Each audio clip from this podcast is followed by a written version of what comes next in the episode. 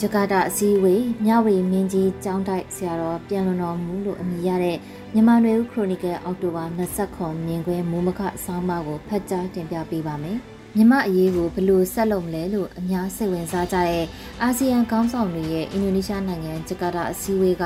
ယနေ့ပြီးဆုံးသွားပြီးအာဆီယံမူ၅ချက်ကိုပဲဆက်လက်ကင်ဆယ်ဖို့သဘောတူကြတယ်လို့အချုပ်အားဖြင့်သတင်းတွေမှာဖော်ပြကြတာတွေ့ရပါတယ်။ကမ္ဘာအင်အားကြီးနိုင်ငံတွေဖြစ်တဲ့အမေရိကန်တရုတ်အိန္ဒိယတို့လိုနိုင်ငံတွေကလည်းတနိုင်ငံစီကြားဝင်ဆောင်ရွက်တာဖြည့်ရှင်းတာထက်အာဆီယံရဲ့လှုပ်ဆောင်မှုကိုပဲထောက်ခံထားကြပြီးအာဆီယံကိုအခုထပ်ပိုပြီးတက်တက်ကြွကြွလုပ်ဖို့လူလားနေကြတဲ့ သဘောမျိုးတော့တွေ့ရပါတယ်။ဒါပေမဲ့အာဆီယံအဖွဲ့ကိုယ်၌ကတနိုင်ငံရဲ့ပြည်တွင်းရေးနိုင်ငံရေးမှာတခြားတနိုင်ငံကဝင်ရောက်ဆွတ်ဖက်ခြင်းမပြုရေးဆိုတဲ့မူဝါဒရှိနေတာကြောင့်စစ်ကောင်စီကအဲ့ဒီအချက်ကိုထောက်ပြပြီးအခြားနိုင်ငံတွေကဖြစ်စေ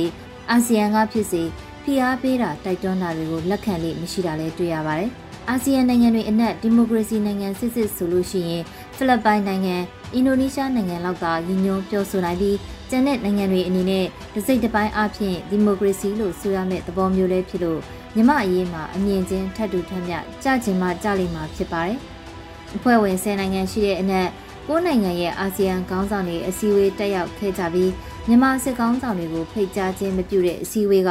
ဆုံးဖြတ်ချက်ဖြစ်လို့ အာဏာသိမ်းထားတဲ့မြန်မာစစ်ကောင်းဆောင်တွေလည်းအာဆီယံဆုံးဖြတ်ချက်တွေကိုသဘောမတူကန့်ကွက်ကြောင်းအချိန်ကိုက်ထုတ်ပြန်လိုက်ပါတယ်။2021ဧပြီကသဘောတူခဲ့တဲ့အာဆီယံမူ၅ချက်ကိုနှစ်နဲ့ချီတဲ့အထိစစ်ကောင်စီကအကောင့်ထဲမပေါ်နိုင်တာကြောင့်လဲအာဆီယံကြိုးပမ်းမှုတွေမအောင်မြင်ဘူးတိုးတက်မှုမရှိဘူးလို့အကဲဖြတ်ကြတာဖြစ်ပါတယ်။အခုဒီချိန်မှာတော့အာဆီယံရဲ့အကြောင်းပြချက်က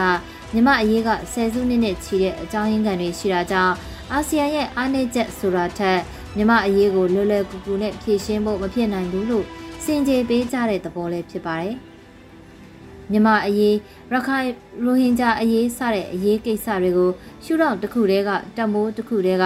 မူဝါဒတစ်ခုတည်းကနေဖြေရှင်းဖို့မလွယ်ပါဘူး။ဆယ်စုနှစ်များစွာဖြစ်တည်လာတဲ့ပြိပခအကြောင်းခံတွေအတိတ်သမိုင်းနောက်ခံတွေကိုနားလည်မှသာဖြေရှင်းနိုင်မယ်။ချက်ချင်းမြန်မြန်ဆန်ဆန်ဖြေရှင်းဖို့မလွယ်ဘူးလို့ ရခိုင်အရေးဖြစ်ပွားစဉ်ကရောလက်နက်ကိုင်ပဋိပက္ခတွေကနေငင်းငယ်ရေးဆွေးနွေးကြစဉ်မှာပြောဆိုလေးရှိကြတာဖြစ်ပါတယ်။အတိုင်းအတာတစ်ခုထိအမှန်ကောင်းမှန်ပေမဲ့ပြဿနာမပြေလည်နိုင်တဲ့အကြောင်းရင်းကိုတဲ့တဲ့ပြောဆိုဆွေးနွေးကြဖို့ထက်အကျိုးစီးပွားတွေကိုပထမဦးစားပေးကြတာကြောင့်လဲနိုင်ငံရေးအကြက်အတဲလက်နက်ကင်ပြဿနာတွေကိုပြေလည်မှုမရနိုင်တာလို့မြင်မိပါတယ်။ဒီနေ့အဖို့အခြားသတင်းတစ်ပုဒ်ကတော့ မြရီမင်းကြီးကျောင်းတိုက်ဆရာတော်ထိုင်းနိုင်ငံမဲဆောက်မြို့မှာနှလုံးရောဂါနဲ့ပြန်တော်မူတဲ့တရင်ဖြစ်ပါတယ်။နိုင်ငံအရေးတွေမှာဘာသာပေါင်းစုံချစ်ကြည်ရေးလှုပ်ရှားမှုတွေမှာတက်ကြွစွာပါဝင်တဲ့မန္တလေးမြို့ကလူသိများထင်ရှားတဲ့ဆရာတော်တစ်ပါးဖြစ်ပြီးစစ်တပ်ကိုဝေဖန်ပြောဆိုတာတွေရှိတာကြောင့်ဆရာနာသိမ့်တဲ့နေ့မှာပဲဖမ်းဆီးခဲ့ပြီးအဲ့ကာလမတိုင်ခင်တက်ကဆွဲဆိုထားတဲ့ပုံမှန်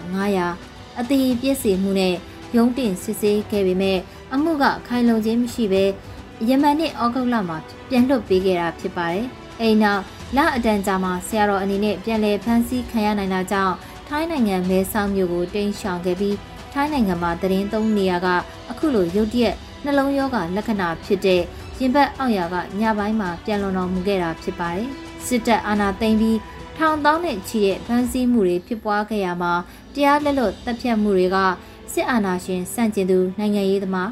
နိုင်ငံရေးဝေဖန်ပြောဆိုတဲ့ဘာသာရေးကောင်းဆောင်အမှုပညာတဲ့သတင်းသမားစာရေးဆရာစသဖြင့်ရာထောင်ချီသူတွေပါဝင်ခဲ့ပါတယ်။လွတ်မြောက်လာသူတွေဖမ်းဆီးမခံရခင်မှာထွက်ပြေးတင်ရှောင်ကတစ်ဖက်နိုင်ငံမှာနေထိုင်ရသူတွေအနေနဲ့ကောင်းမွန်တဲ့ကျန်းမာရေးစောင့်ရှောက်မှုနဲ့တရားဝင်အထောက်အထားမရှိဘဲနေထိုင်ရတဲ့အနေအထားကြောင့်ကျန်းမာရေးထိခိုက်ကအသက်ဆုံးရှုံးရတဲ့အဖြစ်တွေရှိနေတာလည်းဖြစ်ပါတယ်။အခုအဖြစ်ပြက်ဟာ အဆိုပါအခြေအနေတွေကိုပြသတဲ့နမူနာဖြစ်ရတစ်ခုလည်းဖြစ်ပါတယ်။